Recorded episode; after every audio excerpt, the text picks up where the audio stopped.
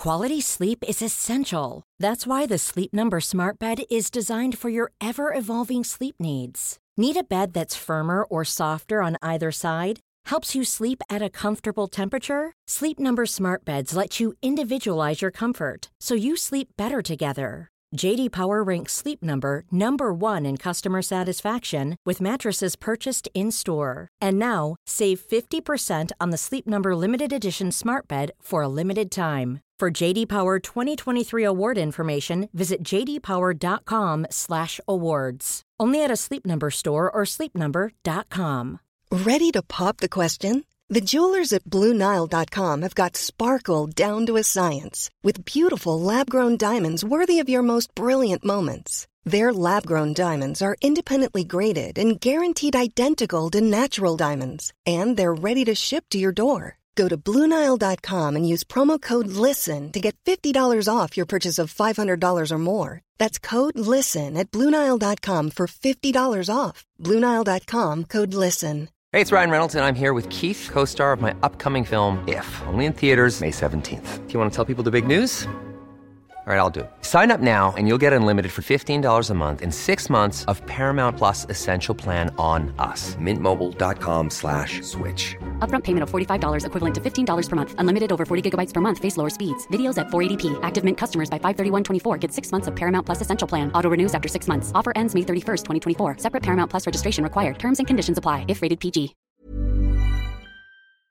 Ann, vet vad som nalkas snart? Sommarsol. Och min berömda midsommarfest. Det är din älsklingstradition. Och vad passar då inte bättre än att vi denna vecka sponsras av Rusta? Jag drog iväg till Rusta och gjorde, du vet, den här episka inköpskavalkaden.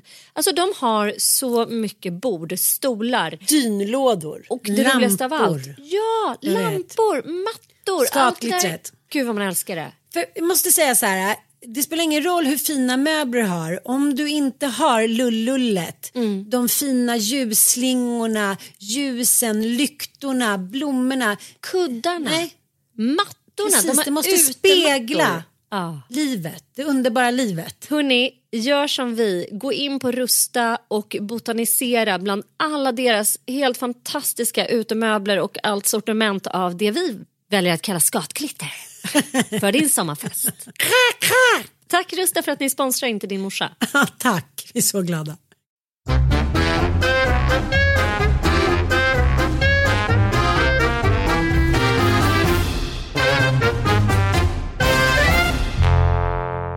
Hej och välkomna till en lite tilltufsad timme med Inte din morsa. Eller vi vet inte, det kan bli sju timmar också, men eh, runt en timme. Vi, vi håller fanan högt eh, för att komma i mål. vi är lite försenade. Ja, vi är försenade det ska vi säga. och- Ja, av naturliga skäl. Det är mitt jag- fel. Nej, det är Foodoras fel. Jag bara, det är så jobbigt för du vet ju vem av mina söner som är besatt av att eh, ringa hem middagar. Mm. Han bara, skitbra, sue them typ. Jag var så här, ah, då kan jag ju få fri Foodora resten av mitt liv. Jag säger, nej vi ska aldrig mer köpa Foodora. Deras slavliknande tillstånd och anställningsvillkor. Ja, intressant att jag Nej, men, har nu varit med om min första riktiga bilolycka. Ja, nej, men det är så sjukt. För att vi skulle ju ha möte med vår poddagentur, eller vad man ska säga, med Allermedia. Eh, och vi skulle vara på plats klockan 11. Precis innan eh, du skulle eh, hoppa på moppen så hördes ju vi och, och du sa jag är där om typ 10. Ja, perfekt så. Jag är också där eh, om 10 och har parkerat och sådär. Och så kom jag in på Allmedia och eh, Isabella säger ja men hon är lite sen va? Ja jo men det är hon ju alltid som, som ni vet. och, eh, och där sitter vi Det är du med. Det gör jag med. Jag sa också till henne så här att det fina med Ann, för min del, det är att jag alltid framstår som att jag är så uppstyrd. Men jag var ju faktiskt också sen in. Hon bara, jo, jo tack, jag vet. Men det är liksom en fördel med dig. Och det, så är det ju. Jag tror att det är många som eh, tycker att det är en extra krydda så att säga, i vänskapen till dig. Att de får känna sig som uppstyrda. Och att deras eventuella eh, neuropsykiatriska funktionsvariationer framstår som så obetydliga Men det där är lustigt för jag känner mig också uppstyrd ganska ofta med dig när vi ska möten och så här. Jag bara, om fem minuter är möte, du har missat ett möte. Så att vi, vi kanske matchar varandra ändå. Men det är skönt att känna sig uppstyrd och man har liksom lite olika roller med olika människor som kan vara helt väsensskilda. Alltså på ett bisarrt sätt. Att det är så som man är med den ena eh, har man en helt annan roll med en annan. Jag tycker det är lustigt att man bara säger accepterar det lite. Ja men, jag ska också, ja, men vet du, jag ska säga dig, jag blev så himla glad. Min brorsa har ju läst jättemycket antropologi. Och han eh, läste liksom, jag, jag kommer inte ihåg exakt vilken antropolog det är som har gjort en studie, men om en stor sån ursprungsbefolkningsstam i eh, någonstans i Sydamerika. Men där man liksom har så här, konstaterat apropå så här, eh, könsskillnader och liksom att så här, kvinnor då så här, påstås göra allt obetalt hemarbete och eh, män då liksom påstås göra, och det gäller ju bara liksom i, i vår västerländska kultur. Men det han konstaterade är att så här, människor i grupp eller alla män, eh, djur som lever i flock kommer att liksom behöva ganska snabbt lista ut vilken roll du ska ha. Vad är du bra på och, och, vad är jag bra på? Och det är klart att det varierar beroende på vilka man är i med. Det är inte ja. alltid att så här, ja men jag kan känna det också att så här, tillsammans med med vissa människor får jag vara den som är så stökig och ouppstyrd. Jag har ju många eh, kompisar som jag brukar kalla för lite, liksom har lite mer autist stilen. Liksom. Och då är, framstår jag ju som att jag har liksom big time ADHD. Jag bara flyger runt med massa idéer och massa så visioner och de är så här, får liksom eh, strucka upp mig. Och, och med dig så känner jag ju nästan lite tvärtom. Att, att jag är autisten uh -uh. i ditt liv. det är jag Men jag tycker det är så olika beroende på alltså, läget också i familjen eller är alla liksom på en bra plats, då kan man själv eh, känna sig väldigt uppstyrd. Man håller på med sina lister och bla bla bla. Men är det någon som faller igenom lite, då faller det där ganska snabbt. Det är som att man är, precis som du säger, att man är liksom någon ursprungsfamilj. Och är det någon som inte liksom spelar sin roll eller på något sätt mår dåligt eller faller ur rollen, då liksom eh, hela byn börjar vackla ganska fort. Mm. Ja, intressant. Men, Men hur som helst. Vilken utläggning. Ja. Hur som helst så satt vi ja. där i denna Tyck synd om mig! Och väntade och väntade och så började vi bli lite irriterade för nu har hon ju för fan varit mm. borta i 35 minuter. Hon sa ju att hon precis mm. snart var där. Och liksom mm. sen när det går så 40 minuter då förbyts den där irritationen till faktiskt en sån där ilande oroskänsla. Att man bara, men det här är inte, nej men nu måste jag ringa, det här är inte klokt. Alltså, vad håller hon på med? Jag försökte ringa, ingen svarar. Och då slår mig liksom tankarna så här. Men tänk, tänk, om, tänk om det har hänt något. Mm. Och sen ringer ju du så här tio minuter senare. Jag, jag, jag ligger i en ambulans, jag har blivit påkörd. Och liksom, åh, bara skräckkänslan i hela rummet. Och liksom bara, världen bara försvinner. Alltså, fy fan för de minuterna eller den halvtimmen innan vi fattade att du ändå var okej. Okay, liksom. Att det var en eventuellt bruten arm och en liksom, kanske en whiplash men inte mer än så. Men fy fan vad jag höll på att gå sönder där alltså. Älskling. Ja, det var så jävla... det var hemskt alltså. Ja, men, men det är ju hemskt. För att så här, det första jag tänkte på var ju så här, jag måste ringa Sanna. Liksom, jag måste ringa och säga så här att jag ligger här på asfalten. Och det gick ju så snabbt. Jag ska gå igenom lite hur det gick till. Men det gick väldigt, väldigt snabbt. Sen kom liksom polis, brandkår och ambulans där. Det tog typ så här, nej men ärligt talat, typ fem minuter så var det bara. Och eh, jag var så jag måste sa det till den här killen som kom fram till mig först. Så en, en, en, man i 40-årsåldern typ. Så, här, så varm och gullig. Jag bara, kan du hjälpa mig att ringa till Sanna? Typ. Han bara, nej du ska inte ringa någon. Så här, du, så, du ska inte röra dig innan någon har kollat din liksom, nacke och din arm. Jag var så här, du måste ringa Sanna typ. men, men konstigt är att man liksom eh, man känner så här, det är samma sak om du skulle säga att du skulle komma så kommer du inte. Mm. Man vet ju inom liksom rimlighetens gränser vad, vad, vad, man får göra men inte, inte längre än liksom den akademiska tjugan som vi kanske har då. Mm, mm. Nej men verkligen. uh, Och jag bara tänkte på det hela tiden. Att så här, inte att man liksom kanske har bruten nacke utan så här, man måste ringa sin bästie. Det, det är ganska intressant.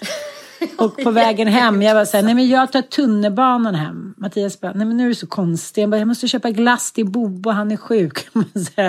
Medberoende en mass liksom. Ja, herregud. Det första som kommer till dig är att du så måste tänka på andra människor.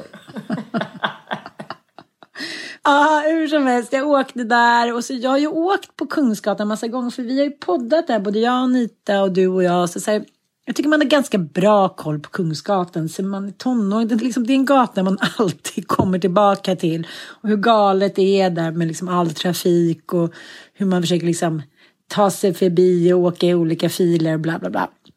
Så jag tyckte ändå att jag åkte liksom, ja men jag kanske åkte i 30.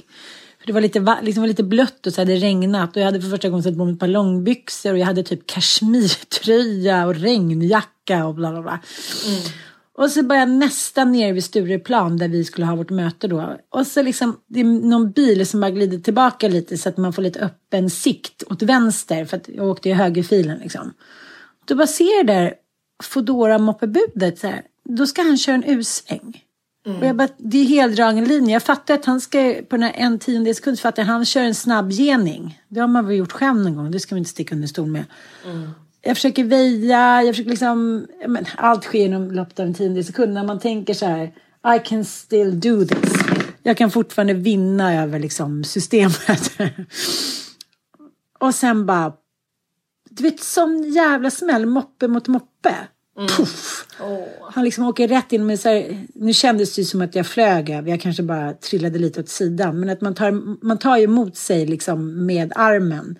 Så hade jag en fet hjälm, Ossians italienska MC-hjälm som liksom tog i och sen gled av. Oh. Och sen var jag bara så här, du vet, nu när jag tänkte på det, när du sa att du blev orolig, så tänkte jag så här, det är liksom hur mycket bilar som helst där. De bara åker. Det finns inget ställe där det är så mycket bilar. Liksom, det är aldrig ingen bil. Mm. Tänk om jag hade liksom ramlat åt andra hållet. Så här, då bara en liten räkmacka på marken. Oh. Ah. Men sen så bara låg jag där och tänkte vad händer nu? Och så kände jag min arm. Jag bara, nej men den är så smoked salmon.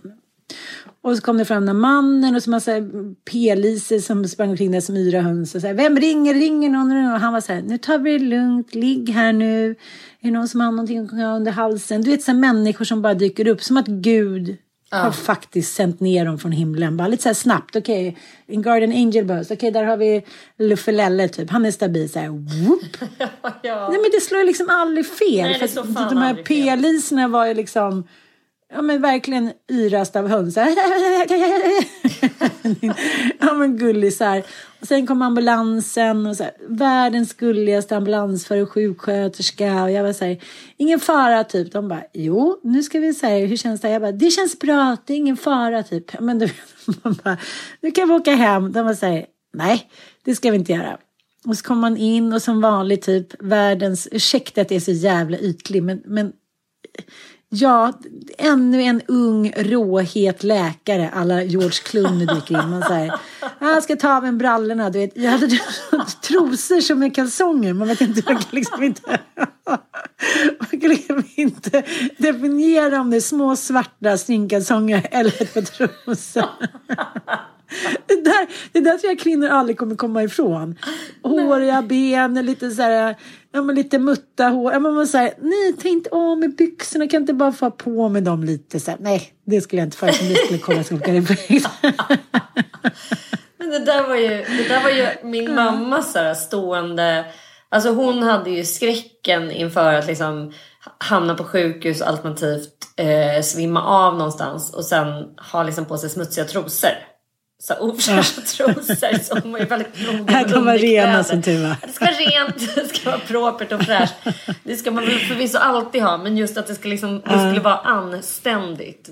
Man kan inte mm. ha liksom ett par trasiga trosor. Det ligger något i det. Det kanske man liksom inte har börjat uppskatta eller tänka på förrän man har varit med om något sånt där som du nyss var då? Ja, nej, och jag tänkte när jag gjorde min magoperation tänkte väl inte heller så himla mycket på det. Jag tänkte jag får väl några sådana här landstinget-trosor. Så glömde jag bort att det var Privado. Då hade jag också några så här äh, chockrosa spetsstringtrosor. Äh, typ stringen i röva som bara... Han bara, kan du vända dig? Jag bara, ja, det kan jag. Vem bryr sig liksom? Så tjocka gubbar som bara går på stranden och tycker att de är råheta. Nej, det, det är inte vi kvinns. Men du, det är ju någonting märkligt med tiden också när man plötsligt får så läkare som är yngre än en själv. Jag gjorde en abort för några år sedan och eh, mm. jag fick då liksom inte göra den här snabba medicinska aborten som jag ville göra. För att det misstänktes att jag hade druvbörd. Vet du vad det är? Just det, när det liksom ligger som, lite så här, som små klasar utanför livmodern. Nej, druvbörd är Nej. liksom när, när fostret eller när embryot börjar dela sig så här ohejdat. Så det blir liksom som nästan en så här tumörprocess. Liksom. Eh, alltså embryocellerna Inga bara... femlingar utan... Nej, utan mer... det blir liksom Nej. så här, det, bara, det blir någon typ av celldelning som går bananas. Och då får man jättehögt HCG heter det va? Eh, som är mm, mm. liksom graviditetshormon. Jag kommer ihåg det. Du var ju som att du var i 19 månaden. Jag vet. Det, det, det var liksom så obehagligt. Jag var så här, i sjätte veckan och hade liksom lika högt sånt, eh, sådana hormonvärden som när man är liksom väldigt långt gången. Och jag mådde ju så fruktansvärt dåligt. Och då skulle jag ju då åka. Då skickade de mig till gynakuten.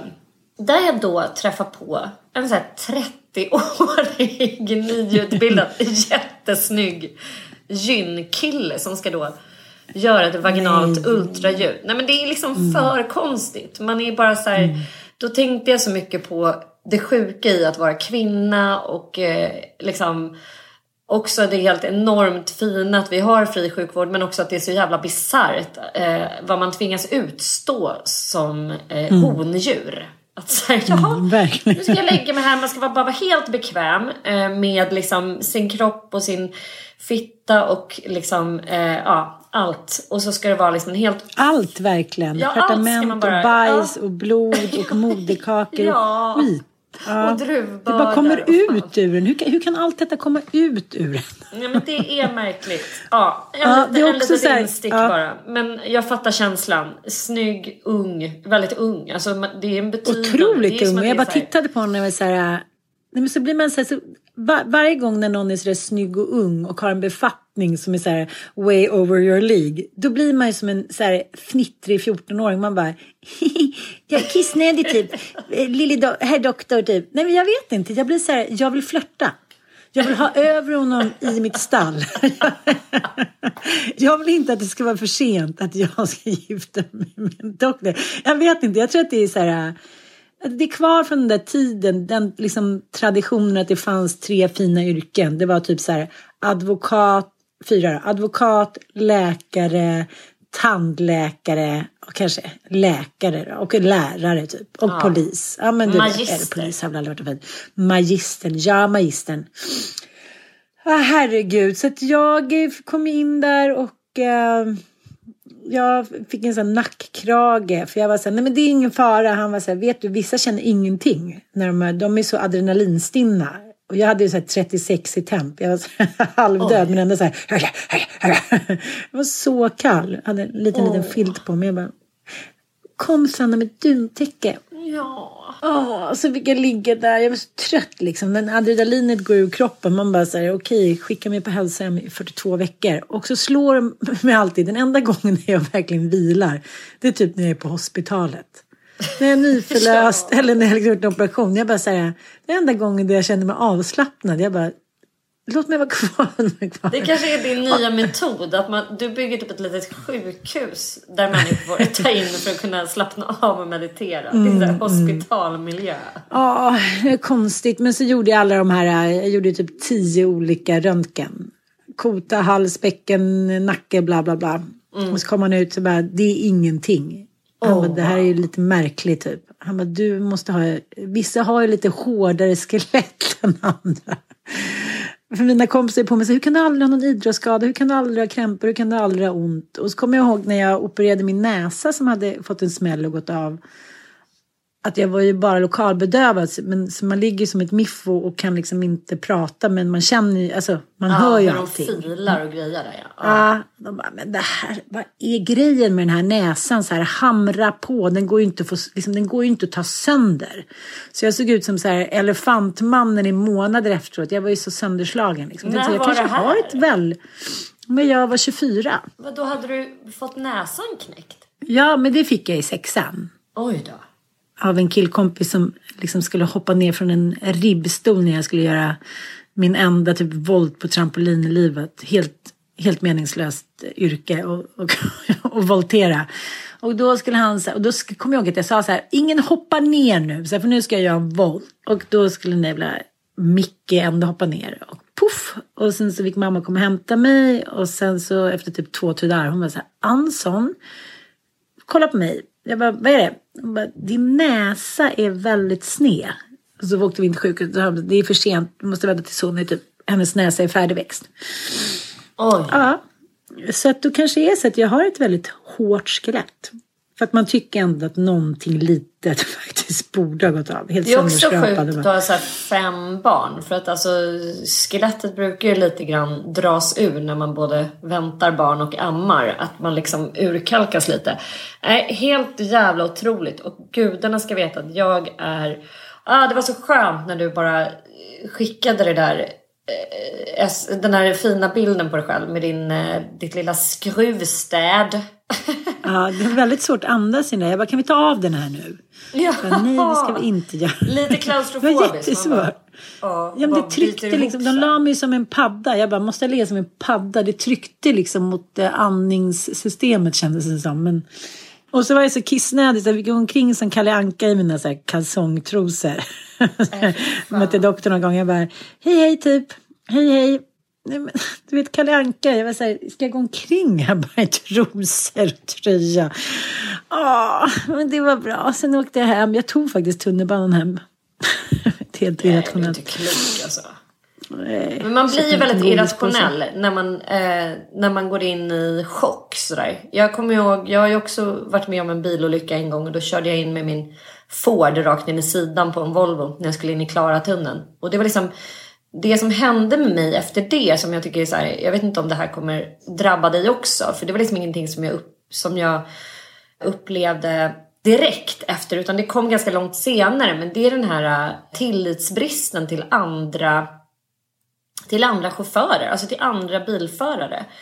Att så här, Jag vet ju vad jag gör med min bil men man kan ju för fan inte veta vad andra människor ska hitta på. Alltså de kan vara packade, de kan vara fulla, de kan liksom vara jättestressade och de kan framförallt eh, bara råka göra fel. Och det tyckte jag, alltså där följde någon slags existentiell bilåkarkris för mig. Att så här, nej jag vågar inte köra om den där jäveln, han kanske kommer göra en U-sväng nu och så här. Så det blev så himla mycket mer försiktig. Men jag minns också att jag blev helt irrationell för det var jag och du vet Anna Udovic, vår gamla journalistkollega. Vi var på väg med vår bil från Garbo reportage till en utförsäljning på typ så här back. Kommer du ihåg det gamla märket? Jättefina Ah, kläder. ah, Det finns inte längre. Åh, Ja, de och där vi var så här, ja, men de var så Ja, det. snygga. Och det var så här, det är utförsäljning, kasta in i bilen, vi åker och vi drar. Och vi gjorde det. Och min bil blev alltså totalkvaddad. Och jag var dessutom Va? gravid med Lo. Va? Ja, och jag var så här, klev ur den där bilen och bara, eh, vad fan. Alltså vi var ju som chock. Så vi, vi gjorde också det irrationella att vi bara hade siktet inställt på back. Så vi gick dit. Och shoppade. Och sen efteråt bara så, jag bara, men jag måste ju åka in och göra ett ultraljud. Vad, vad håller jag på med? Alltså det är så Du bara irrationellt. Jag hade ju verkligen behövt för det. lite typ reatrasor. Ja, Nej, men jätteknäppt. Och Anna och jag vi pratade om det efteråt. Bara, hur fan tänkte vi? Det här är så knäppt. Eh, Chocken. Ja men du vet man blir jättekonstig i chock. Och man vill också bara Mm. typ låtsas som att inget har hänt. Alltså såhär, Mm. vi har en plan, det är dit vi ska. Och man bara känner att man har sånt adrenalinpåslag. Och ändå kan man inte fatta rationella beslut. För att det är liksom en del av hjärnan som bara så här, fattar man sig självständiga beslut. Väldigt konstigt alltså. Så vi får se här är i dagarna. Var inte, var Ja, inte precis. Kommer raka av med håret som Britney och typ lämna alla. Nej, men jag, vi måste tillbaka till Britney igen. Ja, men det måste vi. följetong. Herregud. Jag blev så himla glad. Ska vi lyssna lite på hennes nya låt med Elton John?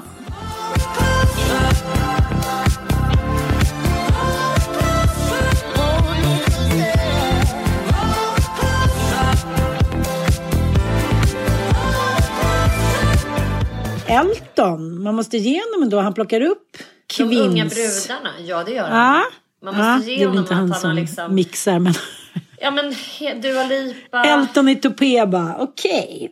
Vem kan nu plocka upp? Nej men alla hans, alla hans låtar håller ju och är liksom helt briljanta. Och med lite n- nouveau touch så blir de ju helt omotståndliga. Jag är typ besatt av alla hans låtar. Jag håller med. Jag älskar honom. Ja, men det kändes ändå kul tycker jag. För det var länge sedan hon kom med något nytt av förklarliga anledningar. Verkligen. Men sen- ja, men det, ja, men sen har det ju hänt lite annat och det som tyvärr då lite grann överskuggade det här fantastiska låtsläppet. Det var ju att hon plötsligt eh, i någon slags vredesmod stängde ner sitt Instagramkonto. Detta konto som har liksom både roat, Mm, Som fyller oss med- som fyller oss med så mycket förundran över mänsklighetens eh, eh, liv och lidande. Det är det som är så knäppt med Britney för att oavsett om hon har en diagnos och har, alltså vilket hon troligtvis har, så har hon ju ändå rätten att få leva sitt eget liv och uttrycka sig precis som hon vill. Hon har valt glädjen också som hon säger. Hon har valt glädjen. Mm, det har hon gjort. Och eh, hon har liksom försökt återta sitt liv och uttrycka sig när hon inte har liksom strategiska personer kring henne som vill åt hennes stålar. Så blir ju hennes Instagramkonto liksom något som man kan beskriva som en blandning av en så här 11 år gammal My Little Pony-älskare och en så här kåt 50-taggare.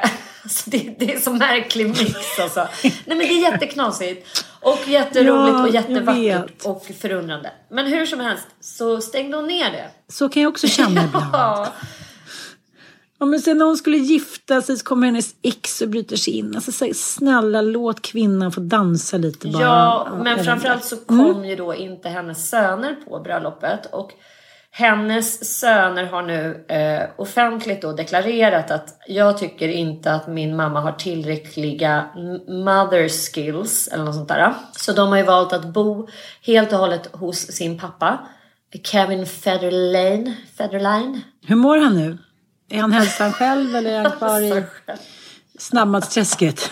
Det har ju gått upp och ner med både hans vikt och hans hälsa vad det verkar. Men ingen kan väl ändå förvånas över det. För det måste ha varit en tuff tid för honom. Eh, att ta hand om dessa pojkar och se till att de skyddas från omvärldens eh, gamaktiga liksom, intresse för dem. Jag tycker han verkar vara en fin man måste jag, Jag tycker säga till han hans också försvar. har så här burit den här eh, bördan jävligt Mm. osjälviskt. Och sen har han ju inte varit särskilt aktiv Mm. med att så här, använda sig utav henne för att nå egen framgång och sådär. Men hur som helst, det, på något sätt så Nej, det är ju för att hon har cashat honom Ja, också. så och det, finns det väl var ju. Ja. Brittans då eh, comeback på Instagram. Eh, den skedde då eh, igår. Mm. Eh, där hon öppnade upp kontot igen med ett offentligt brev som var då till, Till sina dem. söner. Ska vi läsa jag lite ur det? Hon skriver så här.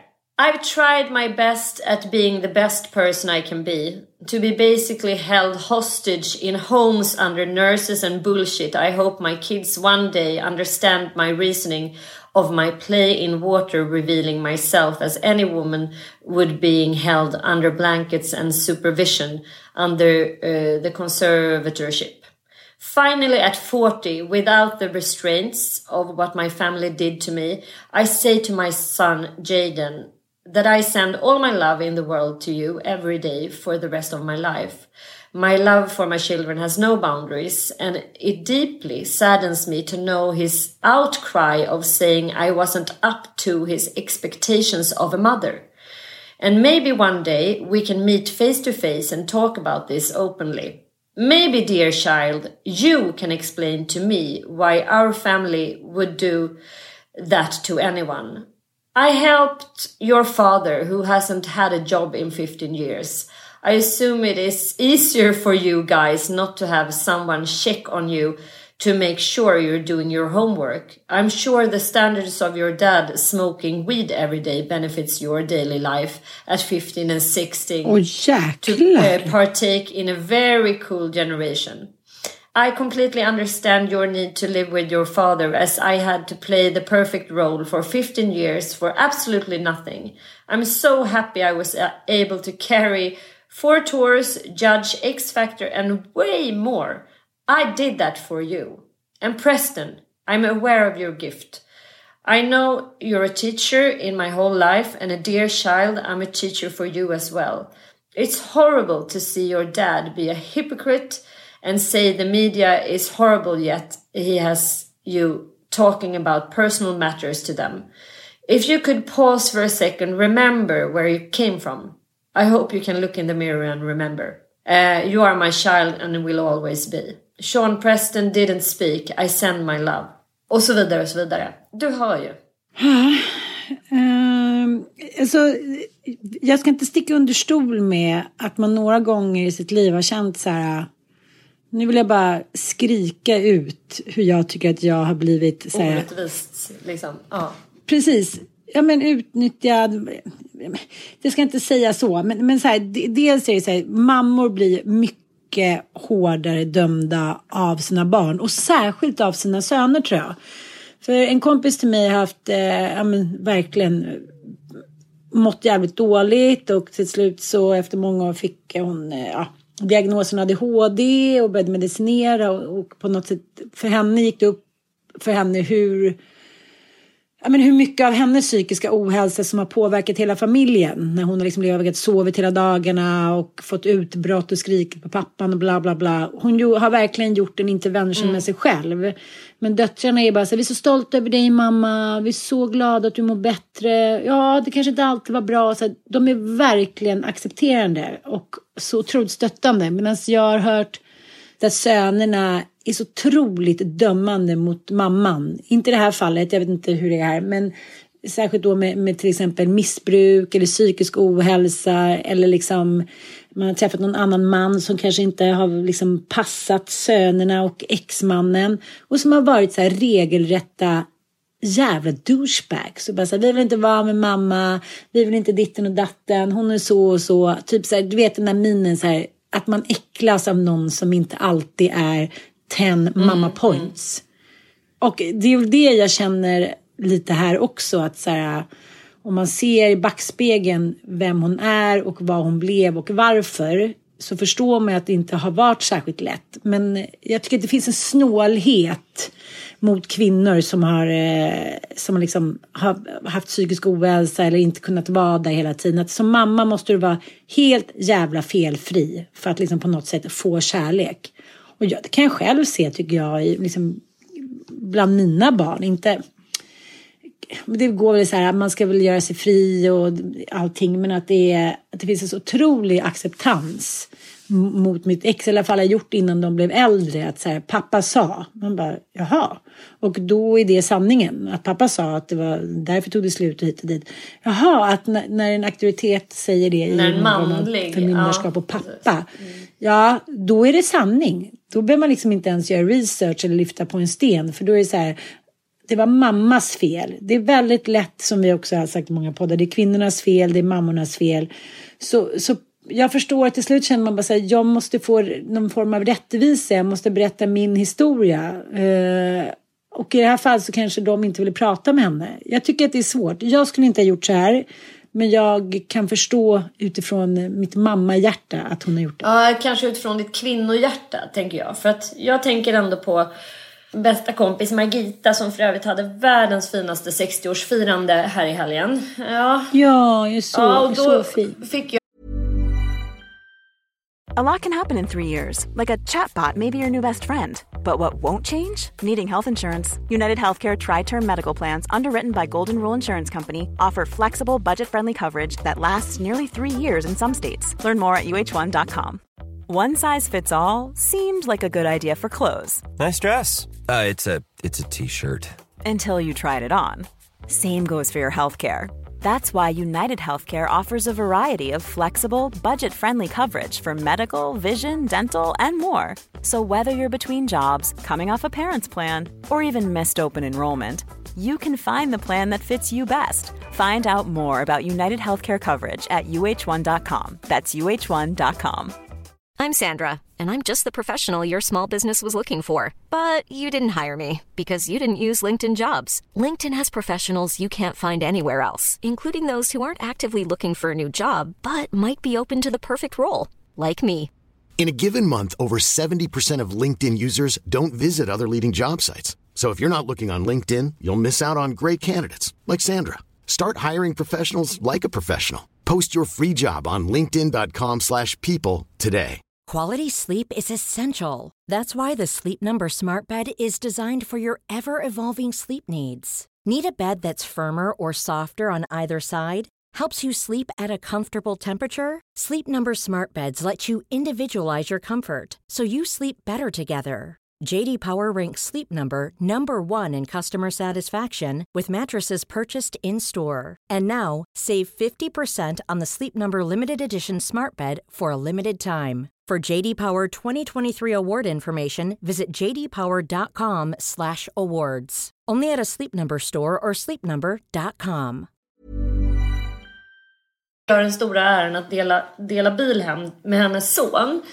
Och eh, hon, hon har liksom guidat mig. Hon är liksom som en liten mammi för mig på något sätt. Vi kallar henne moster Margot så hon är ju som en, någon slags liksom extra mamma för mig.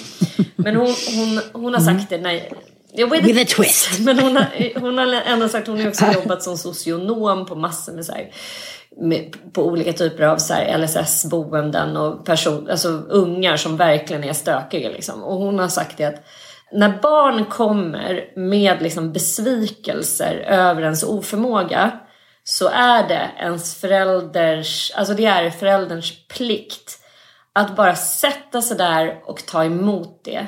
Och inte fördöma, inte bli förbannad utan bara säga yes, jag failade.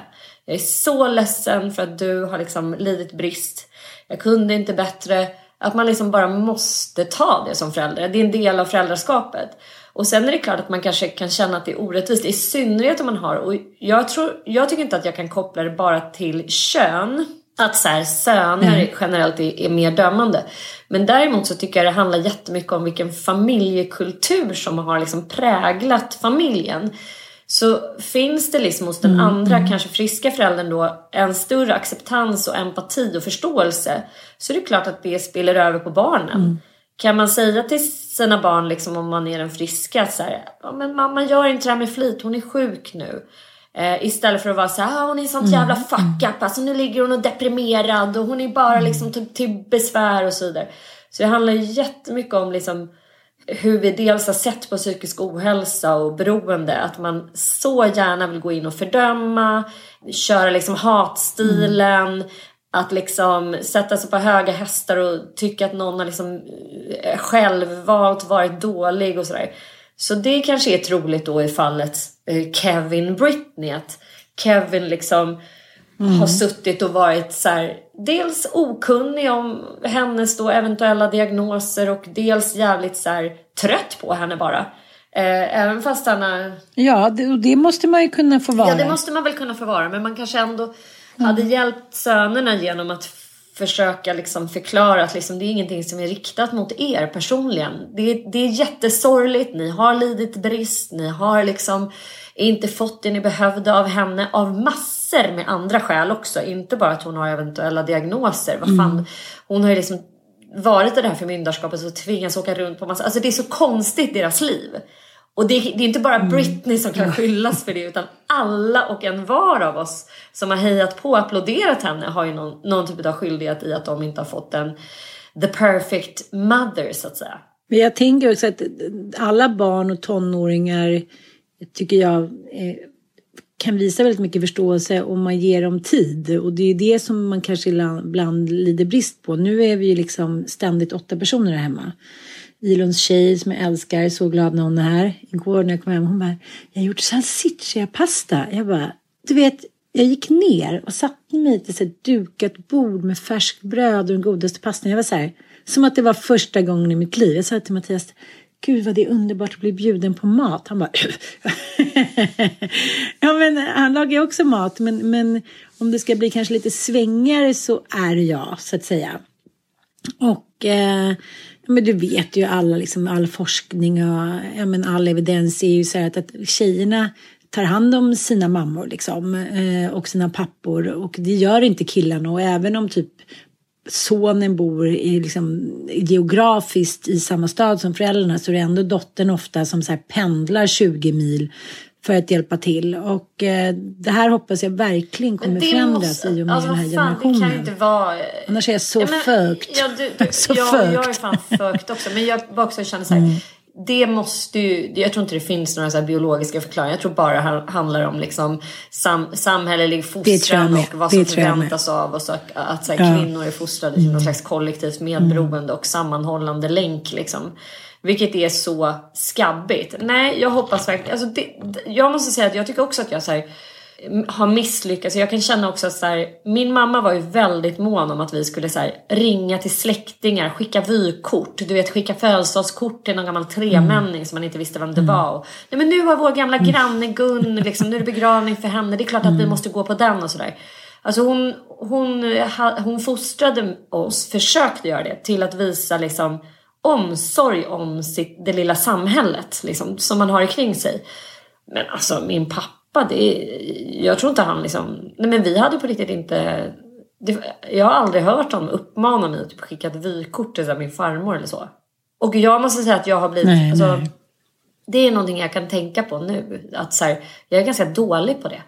Om jag jämför med min egen mamma som var liksom så bra på det. Skicka något litet tackkort, skicka någon liten blombukett, skicka någon liten liksom, alltid någon liten mm, present. Mm. Så fort någon fyllde år så skulle det liksom grejas och donas. Jag vet inte om det är något utdöende med vår generation också. Att det är så här, folk har blivit mer individualister och ego, eller vad tror du? Jag vet inte, jag tänkte på det när jag eh, eh jag och Fi så här, skickade, vi bara nu ska vi peppa varandra den här veckan och sen på morgonen så bara du är bäst, vi ska ta över världen. Bara lite så här morgon, liksom sms. Man bara, men gud vad roligt. Alltså man blev så uppiggad. Bara, det ska jag göra mer. Alltså jag tycker att jag kan vara ganska bra på det i perioder och så här peppa andra, vara gullig och skriva gulliga sms och sådär. Men sen när vi var på Håkan. Håkan. Så var det en, en ja. Då var det jag och Josefin och Sandra. Eh, och sen så skulle en, en fjärde tjej som jag inte känner eh, vara med. Och sen så blev hon sjuk och så här, satte sig på en Finlandsbåt från Finland. Det var så rolig bild. Hon bara, okej, okay, skulle varit på Håkan, sitter på Ålandsbåt för jag får inte flyga hem. Hon är finlandssvensk. Och då när vi hade varit på Håkan och eh, var upprymda och lyckliga och var lite deppiga för att Pigalle stängde klockan ett. Vi kom väl hem typ kvart i två. Och så här. Då var det så här, okej, okay, godnatt. Du vet när man varit med om någonting så här känslobombastiskt. Man är liksom inte riktigt klar förrän mm. man är klar. Och vi var inte riktigt klara så det var så här, okej, okay, Sandra gick in till sitt rum. Jag var så här, sov själv i något minsta enkelrum i svensk historia. Så jag var så här, jaha, ja, godnatt då. Typ som att man liksom var lite blåst på konfekten, sålt smöret och tappat pengarna. Och så precis när jag kom in, det var så här, tja, det är Sandra. Eh, Annika skickat upp en flaska champagne här. Jag bara kommer. Då satt vi där och kollade ut över liksom Göteborgs inlopp, lyssnade på Håkan, käkade geléhallon, försökte få tag i någon typ öppen fastfoodställe och drack bubbel. Och då var det så här, gud hoppas ni har kul, skål för kärleken, Håkan, vänskapen och livet typ. Då har hon liksom suttit och så beställt. Så jäkla fint. Ja. Och då kände jag så här, jag blev så lycklig, jag blev så här oproportionerligt lycklig. Eller vi blev det alla tre. Vi var så här, Sandra sa det dagen efter och Josefin, så vi garvade så mycket när du tog upp luren. Så bara, hej vi har fått, jag kommer! så på. Du hann inte ens liksom svara klart. Nej, jag hatar i och för sig att sova själv också. Ja. och då tänkte jag så här, nej, för någon som verkar vara mästare på det tycker jag också är såklart världens mest perfekta människa, Emma Hamberg. Ja, kan tänka mig det. Ja, och det är, så här, det är presenter och det är hit och dit och blombud. Och så känner jag sig, jag har varit mycket mer så. Men jag tycker du är jag så. Lite... Jag måste säga att du är bra på det. Ja, men, men det är liksom, du har ju förmildrande ja. omständigheter. Omständigheter. Eh, alltså hela tiden. för att du har så många eh, att ta hand om. Men jag, jag känner att det är så att säga ett mål för mig Att bli lite mer som min mamma. Min mamma hade också ett presentskåp. Du vet ett skåp som hon bara fyllde med saker som hon kunde ge bort. Så åh gud jag köpt, mm. såg en jättefin sak. Den kan jag ge till någon sen. Oklart vem men det är alltid någon som behöver en present. Hon mm. var liksom fan mästare på det. Blombuketter och liksom hemkokta sylter som hon gav till någon fröken och till någon lärare. Men hon var liksom så jävla mycket mer generös och omtänksam. Men man ska också veta att sånt tar ju extremt mycket tid. Ja, gud ja. Jag tror man hade mer sån ja, men Det är liksom en halvtidsjobb att ägna sig åt att så här, mm. peppa sin omgivning med gulliga gåvor och uh, så här, uh, att nörsa dem man tycker om i liksom the bigger picture, inte bara sina absolut närmsta. Nej, men jag tror också att man är, så här, man är också lite bortskämd. Jag tänker så här, jag är en ganska ny liksom, bekantskap till mig. Jag hade en kostym på mig. Hon tyckte den var så himla himla fin. Hon var så här, det är den snyggaste kostymen jag sett. Och så fick hon den när hon, hon bor i Skåne när hon kom hit. Och eh, vet, hon, var så, hon var så glad. Hon började nästan gråta för jag hade liksom lagt den i en liten påse eller någonting. För jag är inte så bra på att slå in. Det ska gudarna veta. Och då så blev hon så otroligt, otroligt glad. Så att jag var så här. Så sa jag till henne, men vadå får du aldrig några presenter? hon bara, nej, nej, det får jag, för jag, jag är inte så bortskämd med det. Och så tänkte jag, det får ju egentligen, det får ju jag av mina vänner, men kanske inte liksom av, eh, av min man eller liksom, här, det är klart att jag får det ibland. Ossian är ju bra på små presenter och det är de ju allihopa. Jag hittade eh, det här pärlhalsbandet från Elon häromdagen och de skriver så gulliga sms och liksom Elon skrev så gulligt häromdagen. Han bara, hur det än har varit har du aldrig liksom varit en suris. Du har aldrig så här, satt dit någon eller du är den starkaste, jag vet, älskar med, med världen.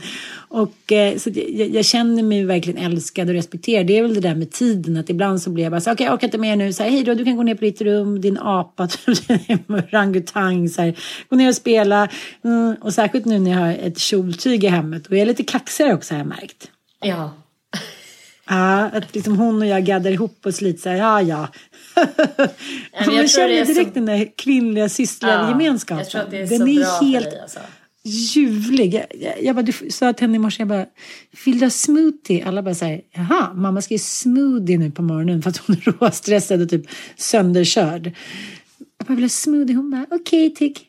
Jag bara, du får aldrig försvinna. Hon bara, jag ska inte det. Nej, men det som är också så fint med så här, eventuella flick eller pojkvänner som kommer in och det tycker jag också med barnens kompisar och så här, generellt att ha ett hem som är öppet för fler än ursprungsfamiljen.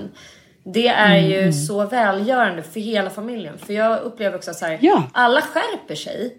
Eh, ja. Man kan inte hålla på och liksom gå runt och vara på grisigt humör eller så här, skabba till sig alldeles för mycket. Utan det, alltså alla skärper sig. Det är så jävla välgörande på så många sätt. Så jag längtar och mm. välkomnar mm. också lite så här flickvänsenergier mm. här i hemmet. Men även deras äh. polare älskar att ha, alltså när huset är bara fullt ja. med en massa tonåringar och kids. Och bara, så underbart mm. ju. När det liksom är mm. fullt hus och de har alltid någonting lite gulligt att tillföra. Och det blir också så här, mm. nej.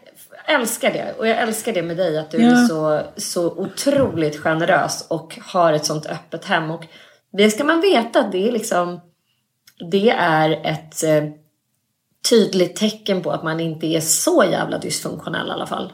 Att hemmet är öppet. ja, att folk vill vara här. Ja, att, dels att folk mm. vill vara här och att din dörr alltid är öppen. Det finns ingenting att dölja där inne. Man kan alltid så här, dundra in till dig. Du, du, liksom, mm. du står för ditt stök, du står med ditt varma hjärta, du bjuder alltid på liksom en, en god tallrik mat. Nej men det är fantastiskt. Alltså snälla låt oss bara beröra Håkan lite. Alltså jag har ju också, ja. den här veckan känns det typ kanske nästan som den längsta veckan. För du och jag har ju levt som liksom ett parallellt liv. Jag har varit på Håkan, du har varit på Håkan, men vi har inte varit där tillsammans. Det är helt bisarrt. Och vi har inte pratat om det. Vi har liksom inte ens debriefat det här. Jag kan berätta kort vad jag har för liksom Håkan-koppling och så kan du berätta vad du mm. har.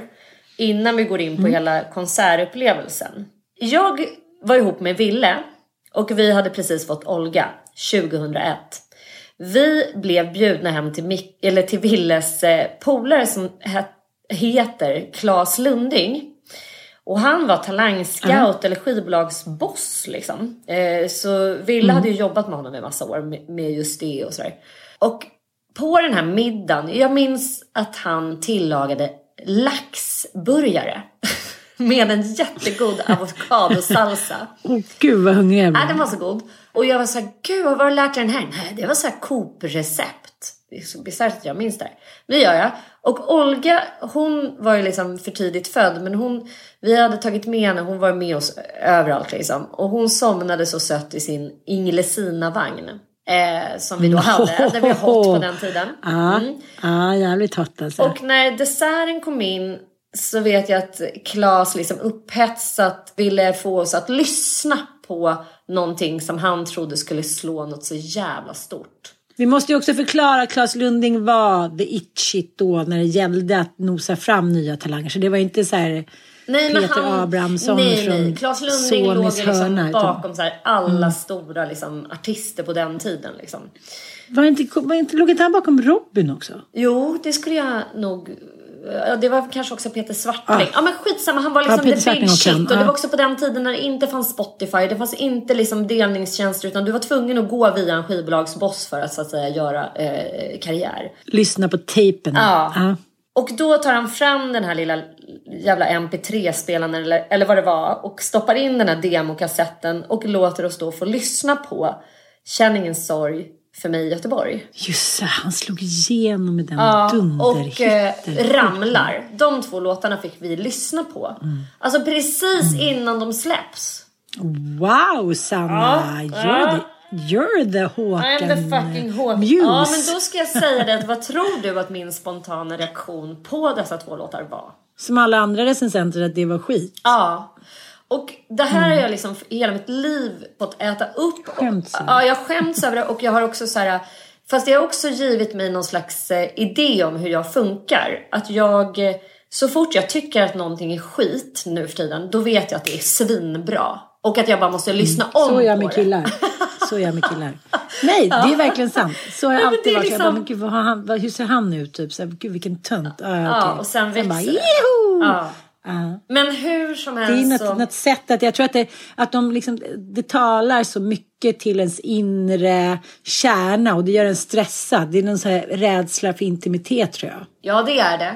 Att man ska Men skjuta sen- magin ifrån sig först. Ja, men sen måste jag också ge Mm. Håkan, att, eller liksom mig själv, att så här, vi var ju två extremt olika livssituationer. Alltså han sjunger ju om den eviga ungdomen, om liksom den här längtan, den här viljan att så här, få nå ut, den här liksom extrema jävla kraften som finns i ungdomen på något sätt. Eh, och att gå sin egen väg och liksom, det har varit en stor del av hans så här, konstnärskap, liksom, att förmedla den känslan. Eh, alltså Sigge, har du lyssnat på Sigge och Alex senaste podd där han gör sin, när han, han går igenom sina artister, han har gjort det med Bob Dylan, han har gjort det med min pappa, han har eh, gjort det med Bruce och nu gjorde han det med Håkan. Liksom förklara vad det är i Håkan som gör att man liksom inte kan värja sig. Och han beskrev det som att Håkan är liksom som en kanal för mänsklig längtan. Och evig Mm. Det jag ungdom på något sätt. Och det, Mm, jag var liksom inte i det skedet i mitt liv då när Håkan kom med Ramlar. Jag hade liksom ramlat klart. Jag hade precis fött en bebis. Jag kunde Mm. inte relatera till det där.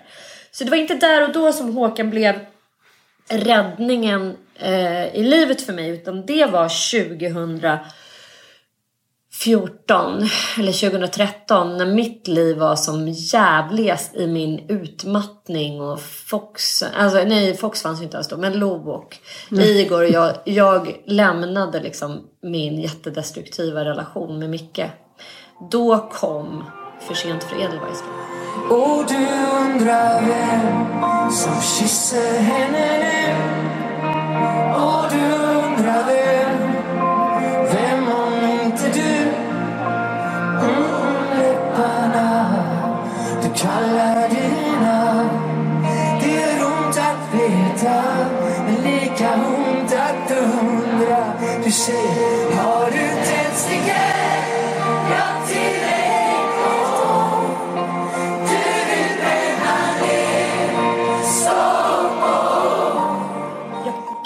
i sömnen, jag kan den i liksom... Och jag kan inte lyssna på den utan att bara gråta, skratta. Nej men det är sinnessjukt vad den där Du skivan- hamnar där. Jag bara hamnar där. Jag umgicks med honom i bilen, i bilåkande, i så desperation. Du är den enda som känner så. Jag är den enda som känner Håkan. Det är som att föda ett nytt barn. Man så här, ingen har haft den här gulliga ungen, så känner vi för Håkan. Håkan är vår baby.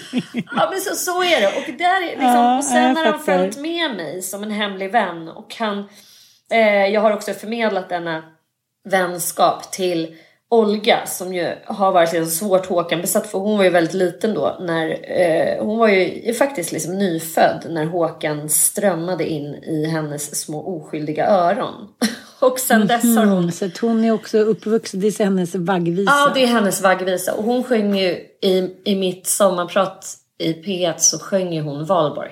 Hon avslutade mitt sommarprat med att sjunga den. Just ja. Ja, vi kan lyssna på det lite. Änglarna har åkt på pisk.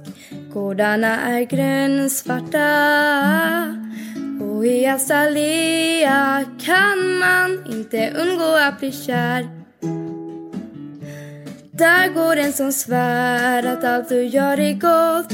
Mm, Jag är din om du vill ha en idiot. Lägg din hand i min. Mm, din i min Nej men alltså när du berättar det där så finns det ju vissa så kallade man säger skivor och CD-skivor innan eh, Spotify och streamingtjänsterna kom som på något sätt tycker jag nästan har räddat ens liv. Vilket liksom kultur är ämnat för att göra och det är därför den är så otroligt viktig och musik är väl det sättet som man kan liksom lindra sorg eller förhöja sinnesstämningar. Det är liksom ett helt otroligt fantastiskt sätt att minnas livet på. Att bara lyssna på en låt och försätta sig i den känslan. Och på något sätt när man hör de här gamla låtarna, även om det var en jobbig tid, så känns det lite som att man blir liksom inlindad i en stor, varm, god kram när man hör de där låtarna. Även fast man minns hur mycket man led till exempel. Som du under den här perioden, det vet ju jag. Men jag kommer ihåg när eh, min kompis Åsa, Lill-Åsa då, eh, hade blivit kär. Vi hade hängt dygnet runt. Hon är förresten Sveriges bästa presentfixare. Hon gör också, hur som helst, hon hade flyttat med sin jag vill säga töntiga kille till Göteborg. Det var han inte alls det. Han var jättegullig. Men jag, han var ju liksom, han förstörde ju mitt liv tyckte jag att han kom och tog love of my life ifrån mig. För så var det ju med kompisar när man var så här 18, 19, 20. Det var ju viktigare än killar tyckte man. Så han hade flyttat till Göteborg och började gå på konstskola. Mamma var supersjuk. Min syrra hade en liten bebis och vi kunde liksom inte connecta. Och pappa söp liksom. Jag bodde i en andrahandsetta på Söder och eh, hade svampat den här väggen då i någon terrakottasvampning. Eh, Ni som vet vet. Orkade liksom inte riktigt göra klart.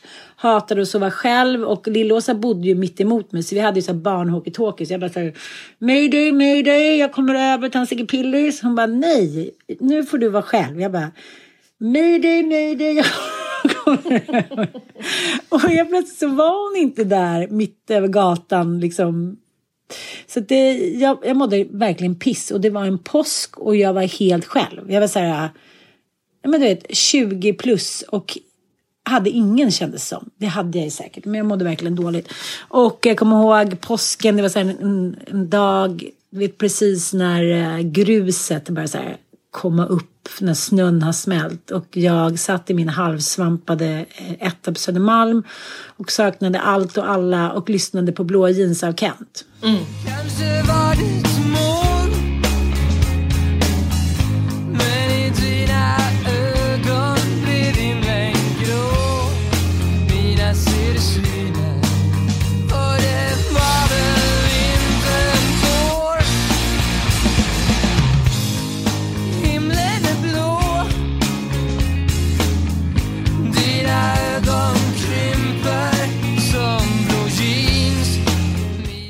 Och sen precis då så fick jag ett sms. Hej! Det var Charlotta Flinkenberg, min gamla väninna från Frida förlag som var så här, Hej, ska du inte komma och fira påsk med mig och min kille? De hade någon flådelägenhet liksom inne i stan, så då gjorde jag det.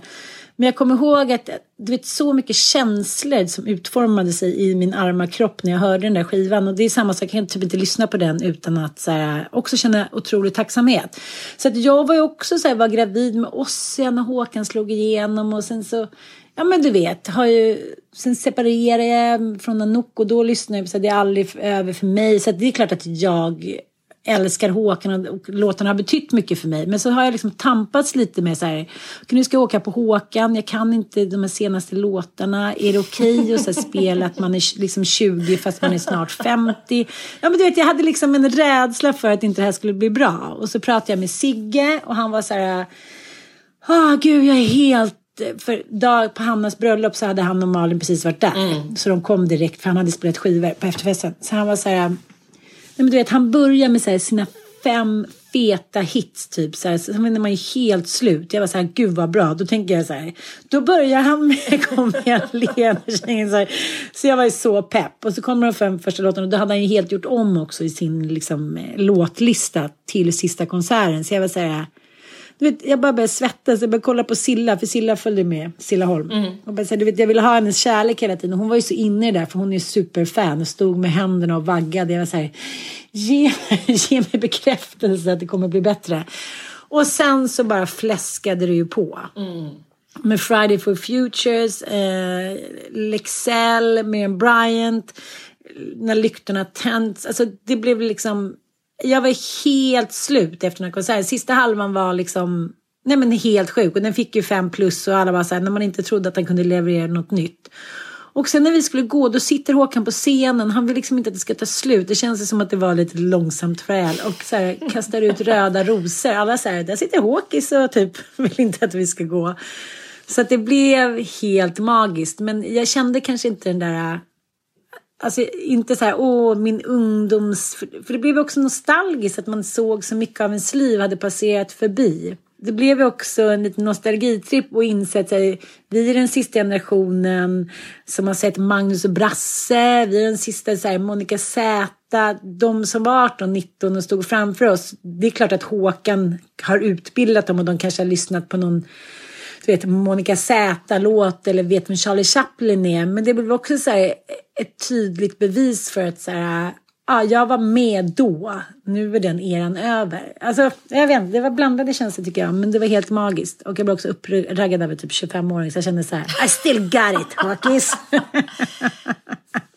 Vad tyckte du? Jag var också så här, jag var ju där med Olga och hennes vänner och kände också så för första gången att bara Nej men gud, vad är det jag inbillar mig? Jag är liksom, jag är inte 22 som dem utan nej, jag är 43. man vill ju det. Jag kommer inte eh, kunna stå och tränga mig fram där och liksom, man är lite bekväm. Jag tänkte så här, nej men det här kan inte ta mig med på en sån där resa som, som man ibland upplever av en sån där arena, liksom konsert. Men Eh, så jag, jag var lite så skeptiskt inställd och tänkte att nej men det var det och det här blir någonting, det är en stor upplevelse ändå men jag kommer liksom inte bli berörd av det här. Det, det kan jag inte bli. Nej, jag fattar, jag fattar. Nej. Men jo. Alltså, Klipp till. Klipp till. Så här, jag bara står och gråter, skrattar. Alltså det är så här, när man får liksom ett emotionellt påslag, eh, vilket för mig så här, det händer ganska sällan. Eh, jag tycker att jag så här, trampar på ganska mycket. Också så här, eh, bäddat in mitt liv väldigt mycket i någon slags så här, yogiskt lugn där det liksom inte ska vara så mycket drama utan det är så här, det är jag, mina små pälsklingar och djur och, och små gulliga barn. Alltså den typen av så här, emotionella påslag. Men det här var, nej men fuck alltså vad jag var tillgänglig och vad jag kan också bli så tacksam för det att det är någon som kan faktiskt ta med en på en sån där eh, fucking ride liksom. Precis. Och jag, We still got it man. Ja, det gör han. Och det som jag tänkte på som jag sa liksom till Monique, eh, som vi känner lite grann båda två. Att så här, om man nu får sammanfatta liksom vad Håkan är. Eh, som jag tror också bidrar till den där sjuka upplevelsen. För jag har ju varit på en annan konsert och det är, liksom, det är gemensamt för alla konsertupplevelser med honom. Alltså all typ av rock'n'roll och väldigt mycket så här pop också. Det, det, det, det finns ju någon form av så här sexuell energi i det. Förstår du? Det är så här, Absolut, det är Rolling absolut. Stones och det ska pumpas och det är så här grabbarna längst fram och det är bara så här, åh, på guran och det är liksom, det är väldigt mycket sex. Tappa brallorna och jucka. Ja, så här, jucka fram med sina tajta lilla röven som man ska dansa loss med och så här. Och det är det ju med Beyoncé också. Det är liksom eh, musik, pop och rockmusik handlar väldigt mycket om sex. Och att liksom, eh, ja så. Eh, men Håkan He is not the one you are fucking, he is the one you're cuddling.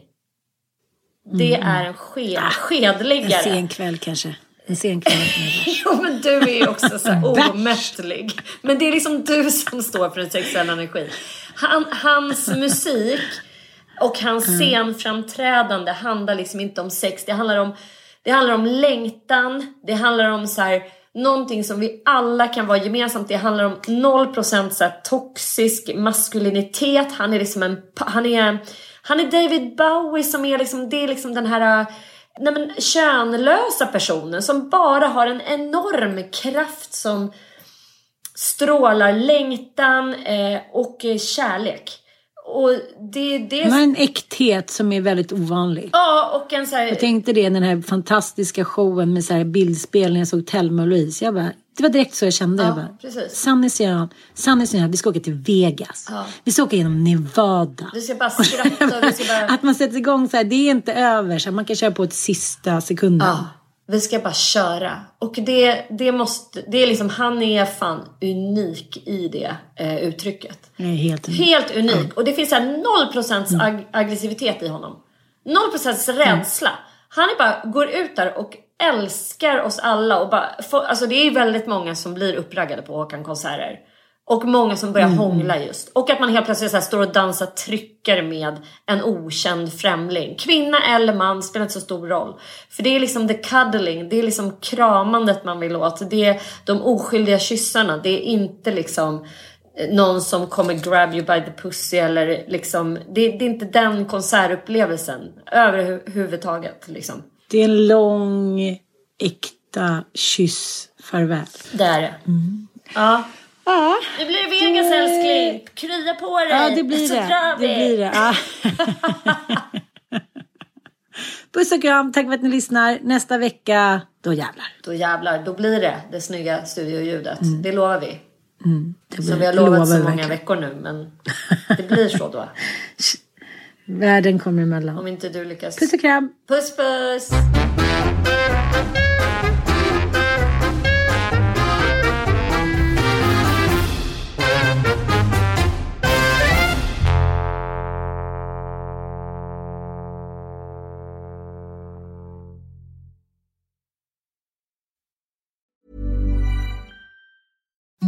to the softest sheets you've ever felt. Now imagine them getting even softer over time. That's what you'll feel with Bowl and Branch's organic cotton sheets. In a recent customer survey, 96% replied that Bowl and Branch sheets get softer with every wash. Start getting your best night's sleep in these sheets that get softer and softer for years to come. Try their sheets with a 30-night guarantee. Plus, get 15% off your first order at bowlandbranch.com. Code BUTTERY. Exclusions apply. See site for details.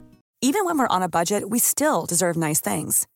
Quince is a place to scoop up stunning high-end goods for 50 to 80% less than similar brands. They have buttery soft cashmere sweaters starting at $50, luxurious Italian leather bags, and so much more. Plus, Quince only works with factories that use safe, ethical, and responsible manufacturing. Get the high-end goods you'll love without the high price tag with Quince. Go to quince.com slash style for free shipping and 365-day returns. Hi, I'm Daniel, founder of Pretty Litter. Did you know cats tend to hide symptoms of sickness and pain? I learned this the hard way after losing my cat, Gingy. So I created Pretty Litter, a health monitoring litter that helps detect early signs of illness by changing colors, saving you money and potentially your cat's life. Pretty Litter is veterinarian developed, and it's the easiest way to keep tabs on your fur baby's health right at home. Go to prettylitter.com and use code ACAST for 20% off your first order and a free cat toy. Terms and conditions apply. See site for details.